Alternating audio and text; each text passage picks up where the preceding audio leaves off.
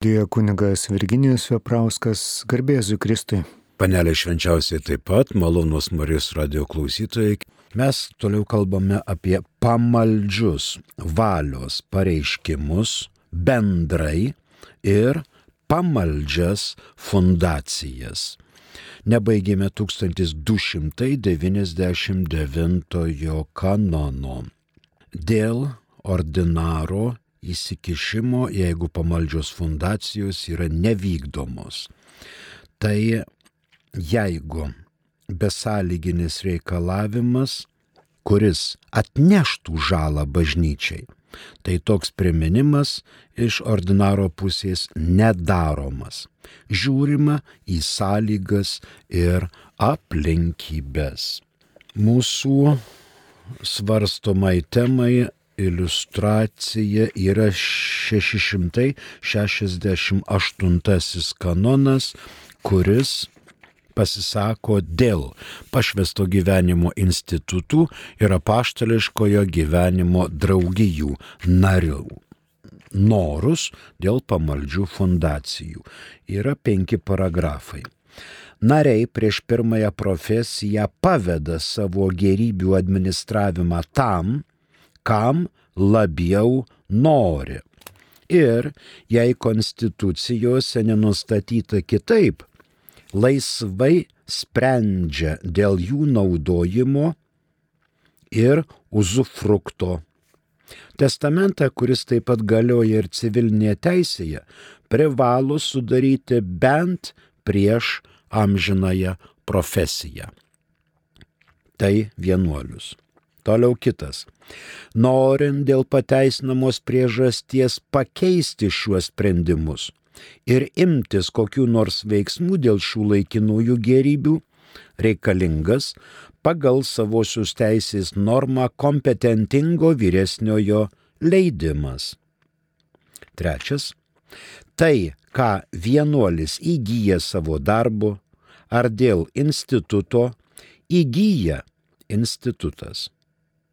Tai, kas jam bent kokiu būdu tenka kaip pensija, pašalpa ar draudimas įgauna instituto, įgyjama instituto, nebent savoji teisė nustatytų kitaip. Ketvirtasis. Tas, kuris pagal instituto pobūdį privalo visiškai atsisakyti savo gerybių, turi tai padaryti prieš amžinąją profesiją. Tokiu būdu, kuris kiek įmanoma, taip pat galiotų civilinėje teisėje. Šis atsisakymas įsigalioja nuo profesijos davimo dienos. Taip pat turi elgtis ir amžinųjų įžadų profesas, kuris aukščiausiajam moderatoriui leidus pagal savosios teisės normą nori atsisakyti dalies ar visų savo gerybių. Na ir penktasis profesas, kuris dėl instituto pobūdžio visiškai atsisakė savo gerybių, praranda galę įsigyti ir turėti. Todėl jo veiksmai prieštaraujantis neturto įžadui yra negaliojantis. O tai ką jis gauna po atsisakymo, atitenka institutui pagal savosios teisės normą. Na, dėl visų kitų dalykų reikia žvelgti į konkordatus pasirašytus tarp paštulų sosto ir valstybės, karalystės, žemės ar kitų juridinių subjektų ir koks ten yra vektorius dėl šitų gerybių. Testamentas parašytas vykdomas, nežiūrint ar asmuo buvo krikštytas, tikintis, netikintis ar dar koksai nors kitoks. Kitatikis. Testamentas vykdomas. 1299 pabaigėme, rytų kanonų atitikmuo yra 1043. Dabar fiksuojam. Pirmasis paragrafas. Kas pagal prigimtinę ar kanonų teisę gali laisvai disponuoti savo gerybėmis, gali jas paskirti pamaldiems tikslams. Tiek veiksmu tarp gyvųjų, tiek veiksmu įsigaliojančiu mirties atveju. Antrasis. Potvarkiuose įsigaliojančiuose mirties atveju bažnyčios naudai jei įmanoma, turi būti laikomasi civilinės teisės formalumų. Jei jų būtų nepaisoma, paveldėtojams turi būti primenta juos saistanti pareiga įvykdyti testatoriaus valią. Na ir kitas 1300 kanonas. Tikinčiųjų dovanojančių ar paliekančių savo nuosavybę pamaldiems tikslams, tiek veiksmu tarp gyvųjų, tiek veiksmu įsigaliojančių mirties atveju valios pareiškimai vieną kartą teisėtai priimti, privalo būti ištikimai įvykdyti. Taip ir pat ir dėl gerybių administravimo bei panaudojimo būdo, liekant galioti 1301 kanono trečiojo paragrafo nuostatai. Taigi pagrindinis principas dėl visų pamaldžių pavedimų. Šis pavedimas turi būti rūpestingai vykdomas tiek gyvųjų, tiek mirusiųjų valios pareiškimo atveju. Aišku, mirtis tai yra testamento būdu.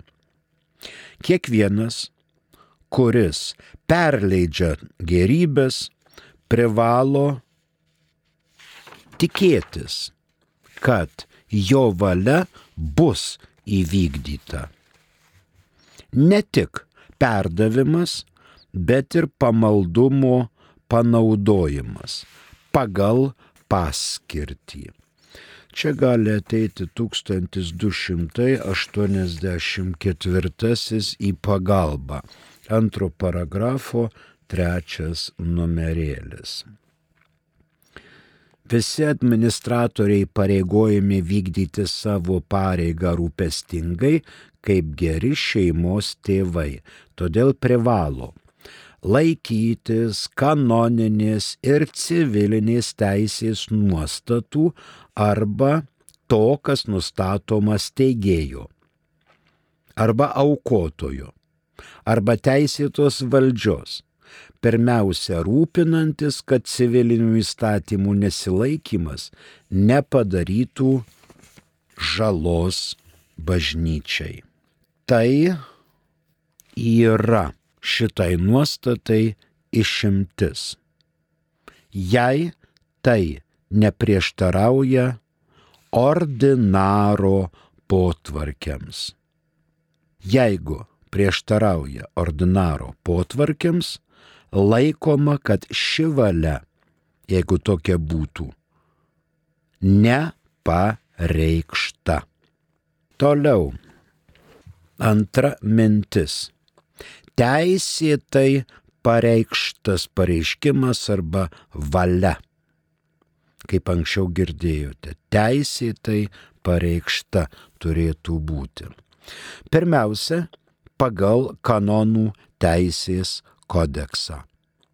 O po to turėtų atitikti ir civilinės teisės reikalavimus na 1290.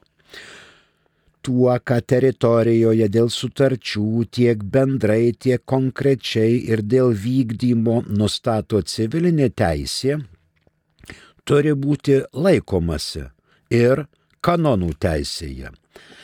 Su tais pačiais padariniais dėl dalykų pavaldžių bažnyčios valdymo galiai. Jei tai neprieštarauja dieviškai teisiai arba kanonų teisė nenustato kitaip ir liekant galioti 1547 kanono nuostatai. Tai turėtų neprieštarauti. Dabar atsakyti tokio pavedimo, tokio valios akto negalima, bet yra išimtis, nebent dėl svarbios priežasties ar aukštesnio gėrio. Visuomet laukiamas ordinaro leidimas. Gali ateiti į pagalbą 1267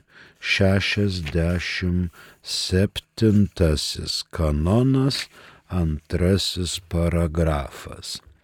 Aukų, apie kurias čia kalbama, negalima atsisakyti, nebent būtų pateisinama priežastis ir jei kalbama apie viešuosius juridinius asmenius, svarbesniais atvejais su ordinaro leidimu. To paties ordinaro leidimas reikalingas priimant su konkrečiomis prievolėmis ar sąlygomis susijusias aukas, liekant galioti 1295 kanono nuostatai.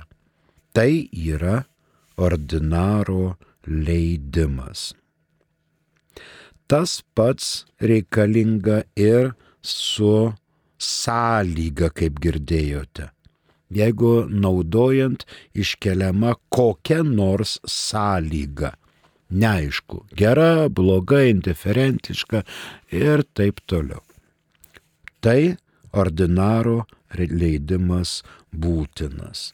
Ir dar galima žvilgterėti 1304 pirmąjį paragrafą kad juridinis asmuo galiojamai priimtų fundaciją, reikalaujamas raštiškas ordinaro leidimas.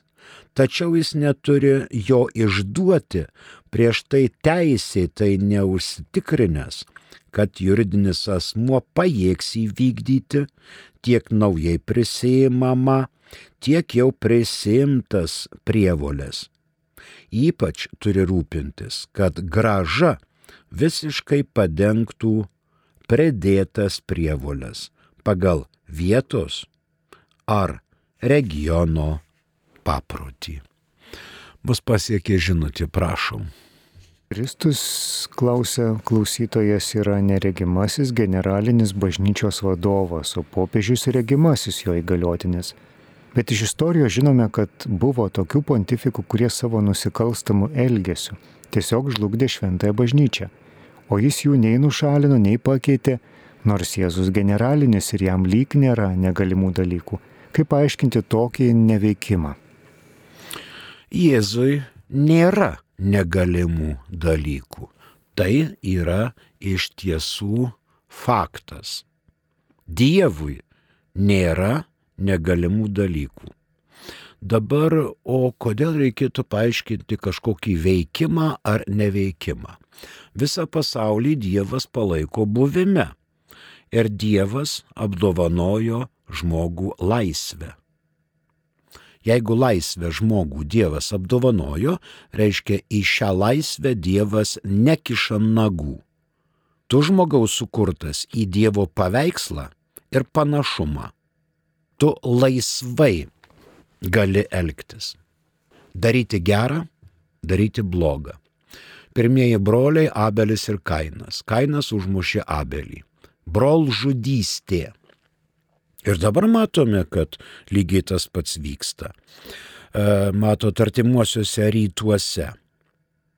Tai ne krikščionių tautos šiuo atveju. Jie nežino artimo meilės įsakymų ir priešų meilės įsakymų.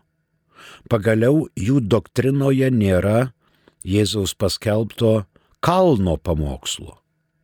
Ir dabar mums krikščionėms ten nueiti ir mokyti, sakyti, ei, jūs ten, tie ar anie, žiūrėkit, ką Jėzus sakė. Jie gali pasakyti, eik, tu žinai, kur su savo Jėzumi ir nenervuok. O mes turime Seną testamentą. Krikščionys irgi gerbė Senąjį testamentą. Daug ko ten Senajam testamente prirašyta, bet mes turim Naująjį testamentą, tai tarsi buferis ir sušvelnina smūgį dėl šitų dalykų.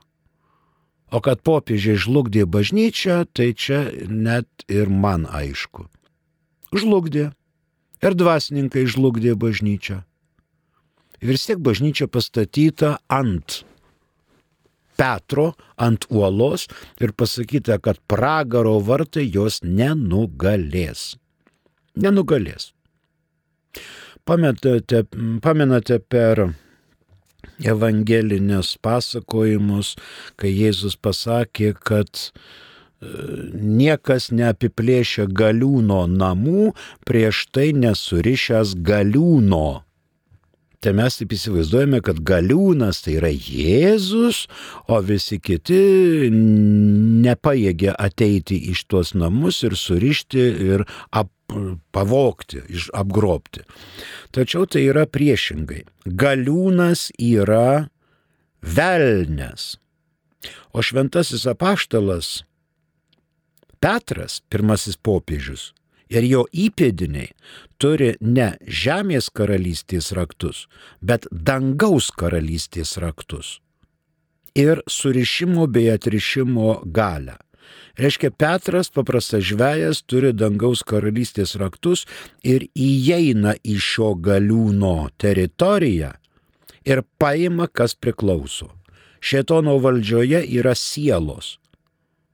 O Petras turi raktus įeiti į šio galiūno teritorinius vandenius, jį surišti ir gražinti Dievui sielas. O kam dabar neveiklumas, Jėzus čia generalinis. Čia nėra tokio paaiškinimo, nes veikia bažnyčia Jėzaus vardu ir veda žmonės į išganimą.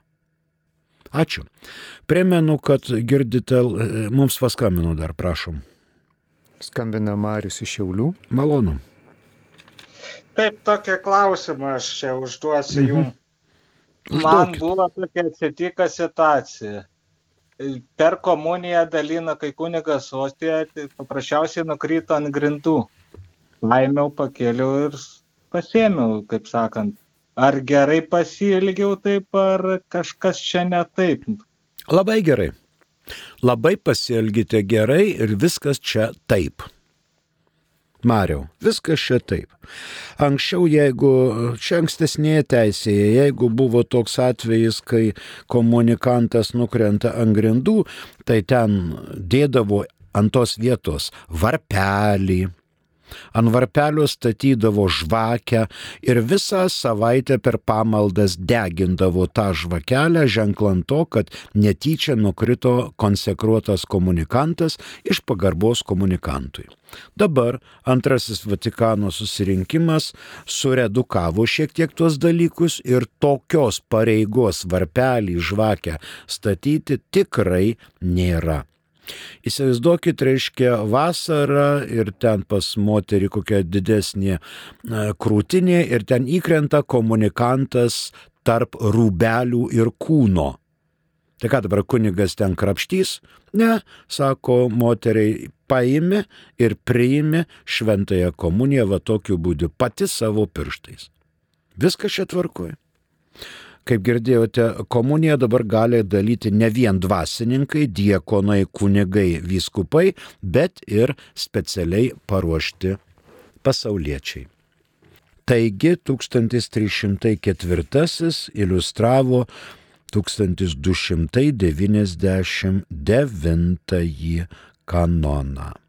Dėl mirties, dėl testamento galioja 1301 kanono trečias paragrafas. Galima jį čia šiai ordinaro teisiai prieštaraujančios sąlygos pridėtos prie paskutinės valios pareiškimo laikomos nepareikštomis. Po mirties pamaldumo reikalams turi būti protingumo kriterijai. Privalo būti protingumo kriterijai. Tikslai gali būti išvardinti 1254. Dabar mus vėl pasiekė klausimas, prašom. Taip garbėjusui Kristui prašom paaiškinti, ar teisėtai įmamas mokestis už vaikų paruošimą pirmai komunijai ir sutvirtinimo sakramentui. Ar yra nustatyta suma? Ačiū. Taip, teisėtai įmamas mokestis. Prie pirmos komunijos ir prie sutvirtinimo sakramento privalo ruošti tėvai, šeima. Ir iš principo jie turėtų paruošti vaiką ir atvesti pas kleboną ir sakyti, štai mes sekvadieniais dalyvaujam mišiuose, mūsų vaikas jau, kaip mes manome, paruoštas. Moka poterius, susipažinę su bažnyčios mokslu, žino, kas yra išpažintis, kaip ją atlikti, kas yra komunija, išmokęs dešimt Dievo įsakymų, tikiu į Dievą tėvą, kitas maldas, septynis sakramentus ir taip toliau. Kunigė patikrink. Gerai, kunigas tikrina. Persižegnok. Vaikas persižegnoti nemoka. Ei, kur eiti toliau? Tai ir paaiškini. Tėve mūsų nemoka, sveika Marija nemoka, nieko nemoka, jis jau paruoštas. Kad tokių cirkų nebūtų, prie parapijų katechetai, tikybos mokytojai ruošia pagal programą patvirtintą visai mūsų bažnytiniai provincijai vaikus. Ne tik prie pirmosios komunijos, bet ir prie sutvirtinimo sakramento tie, kas nori, tie, kas pageidauja. Ir žinoma, yra atlygis katechetui arba tikybos mokytojui. Todėl teisėtai imamas mokestis už vaikų paruošimą pirmajai komunijai ir sutvirtinimo sakramentui. Tai čia atsakymas klausytojams. Ačiū. Toliau einame prie tų tikslų. 1254 kanonas. Antras paragrafas. Pagrindiniai būdingi tikslai bažnyčios laikinųjų gerybių - tai dieviškojo kulto tvarkymas, rūpinimasis deramų dvasininkų, ir kitų tarnautojų išlaikymu, šventojo apaštalavimo ir meilės darbų, ypač neturtingiesiems vykdymas. Pagal šį kanoną 1300 kanono prieimimas pareiga, nors testatorius to ir nepabrėžė. Testatorius gali pabrėžti ką kitą, bet bažnyčia laikosi šių kanonų. Ir negali testatorius sakyti, atlaikyk mišes, kad tas tą prakeiktų, anas, ana skradžiai žemiau paeitų arba kad jį velniai kur nors griebtų. Tokių dalykų ne. Tikrai tokių dalykų tai ne. Tai dabar turbūt šis kanonas pabaigtas, rytų atitikmuo yra tūkstantis, rytų kanonuose atitikmuo 1044. 1300 jį fiksuojame. Tikinčiųjų, dovanojančių ar paliekančių savo nuosavybę pamaldiems tikslams tiek veiksmų tarp gyvųjų, tiek veiksmų įsigaliojančių mirties atveju valios pareiškimai vieną kartą teisėtai priimti, privalo būti ištikimai įvykdyti, taip pat ir dėl gerybių administravimo bei panaudojimo būdo, liekant galioti 1301 kanono trečio paragrafo nuostatai. Mus dar turbūt pasiekė žinutė, prašom. Kokias bausmes numato kanonų teisė kunigams, kurie piktavališkai nenori eiti klausyti, į klausyklą eiti, klausyti iš pažinčių? Kunigas šventimų gale turi pareigą mokyti, šventinti ir valdyti. Sakramentų teikimas yra suteikta kunigui šventimų gale. Ir, žinoma, Aš esu sutikęs gyvenime kunigų, kurie sakė, tikrai neįsiu į klausyklą, aš eisiu klausyti iš pažinties tik tada, jeigu arties žmogui mirties pavojus. O taip aš neklausysiu. Yra tokių. Dabar piktavališkai. Gal tą valandą kunigas nėra dispozicijoje klausyti iš pažinčių. Nuvažiuoja kunigas lietuvis į Vilniaus kraštą, o ten eina visi išpažinčių lenkai. Ir lenkiškai atlieka išpažinti. Kunigas prakaituoja ir sako, nesuprantu, ką jūs išnekate. Nėra, aš ne, nepajėgus esu. Ir jis sėdi piktavališkai zakarstijoje ir neina klausyti išpažinčių. Tai yra kalbos barjeras. Dar galima ir kitokių barjerų rasti. Bet jeigu normaliom sąlygom, tai apie tai aišku turi žinoti. Jeigu tai vikaro atveju, tai klebonas, jeigu klebono atveju, tai dekanas ir turi informuoti bažnytinę vyresnybę, kad kunigas neina savo pareigų, pavyzdžiui, kaip jūs sakote, piktavališkai pravoslavai elgesi labai praktiškai, gal reikėtų ir katalikams įvesti tokią praktiką. Yra sąrašas, kokie sakramentai, kiek aukojama. Pavyzdžiui, tarkim, išpažintis 10 eurų. Oi kaip lėktų kunigai į aušros vartus ir iš Šilovą ir Žemaičių kalvariją klausyti išpažinčių. Išklausai išpažinti 10 eurų, dvi išpažintis 20 eurų. Pas pravoslavus taip yra. O katalikai to dar neįvedė. To dar neįvedė. E, mus pasiekė, atsiprašau, aišku, telefonų skambutis, prašom. Klausytojas iš Rokiškio. Taip. Garbėsiu Kristui. Per amžius amen pons kunigė norėjau paklausti vieną dalyką. Mhm. Kiek yra šventųjų Katrinų? Šventoji Katrina Aleksandrietė yra šventoji Katrina Sijanietė, o pavyzdžiui, Akvinietė yra, ar tik tai Akvinietis šventasis yra? Vakar norėjau paklausti. Turbūt 17 amžiui atsirado daug jaunų Europoje. Jonas prie miško, Jonas paežerėje, Jonas prie ažalo ir tada pradėjo eiti pavardės. Todėl ir Kotrina sienietė, pavyzdžiui, tai ne nuo sienos, bet nuo senos miesto. Tomas iš Akvino miesto. Tai jos todėl Tomas Akvinietis. Ir ten tų kotrinų yra ne dvi ir ne trys. Reikia pasižiūrėti į gerbiamus uh, bažnytinius kalendorius, kiek yra švenčiamų. Kotrinų tikrai yra daug, kaip ir jaunų. Jonas Krikštytojas, Jonas Evangelistas ir taip toliau. Todėl Rokiškis čia gali pasiskaičiuoti, kad daug yra šventųjų ir pavyzdžiui Elžbieta Vengrė yra Elžbieta Turingijos karalienė ir taip toliau. Yra labai daug šventųjų tais pačiais vardais. Tikrai daug, o paskaičiuoti turbūt sunku. Ačiū. Dar mus pasiekė klausimas, prašau.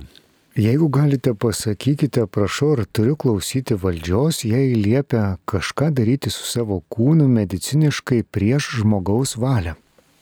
Hm, nesupratau. Kokia medicina liepia? Kokia medicina liepia? Pavyzdžiui, į koją įsimetė sepsis, į kaulą. Ir tau aiškiai pasakė, nori gyventi, pjaunam koją. Bet žmogus gali nesutikti.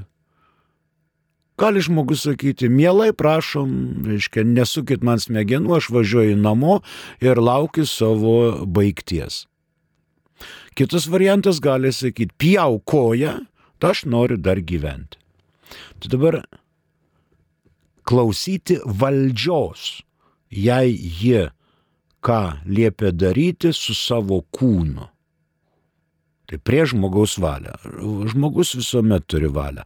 Aišku, kaip ten mūsų partizanas, reiškia, įkaitino prosą ir degino padus, kišo adatas po panagėmis, ir visokių kitokių, reiškia, žalojimų vykdė.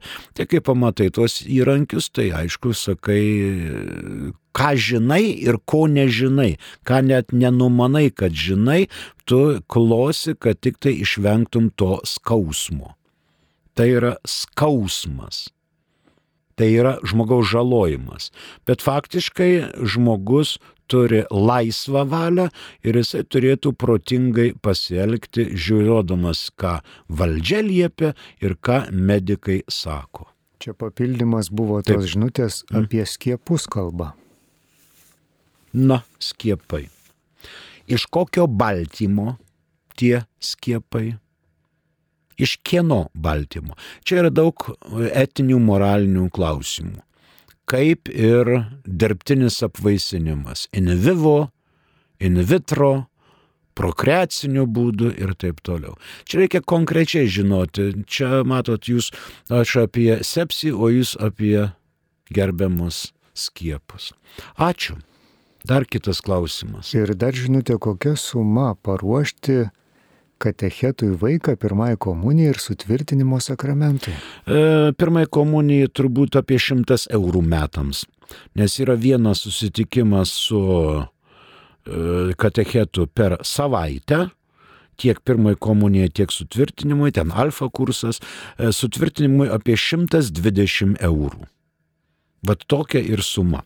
Bet aišku, kiekvienoje parapijoje gali būti ir daugiau nelygų kokios sąlygos mokymo, koks apšvietimas, šiluma, langai, rūbinė, valytojų darbas, nes matot, kai vaikai ateina, reikia juos po to salę ir sutvarkyti ir taip toliau, taip panašiai. Bet kiekviena parapija žino ir kiekviena parapija tėveliams paaiškina, kad čia ne iš piršto lauštas dalykas. Vis tiek ir katechetai turi kompetenciją, turi mokslus baigti, jie skiria savo laiką, nugnybę nuo šeimos ir taip toliau, taip toliau. Pasižiūrėkite savo atžalų, kai jie eina į šokių ratelius, į smuiką, į choreografiją, į tapybą, kiek ten reikia mokėti irgi už pamokėlės. O čia kalbame apie sielų išganimą. Kitoje laidoje aiškinsimės 1301 kanoną. Malonu buvo su jumis susitikti, nepamirškime, kad šie metai yra skirti Šventojo Juozapato Kuncevičiaus metams šito kankinio, kurį pravoslavai užkapojo kirviu Vitebske, kai jis vizitavo tą parapiją, o jis pats buvo Polotsko arkivyskupas. Na ir žinoma, jo palaikai keliavo iš taško A į tašką B, nes caras Petras I norėjo sunaikinti šio šventojo palaikus, relikvijas, galų galiai tos relikvijos atsidūrė Vienoje, o paskui amerikiečių karinių lėktuvų pasiekė Romą ir mes turime lietuviško kraujo Romos bazilikoje vienintelį asmenį, šventą Juozapatą Koncevičių, kuris yra užkapotas kirviu Vitebske, unitų arkivyskupas. Ačiū už jūsų dėmesį, dėkoju už klausimus, prie mikrofono dirbo kunigas Virginijus Veprauskas, ačiū ir sudė.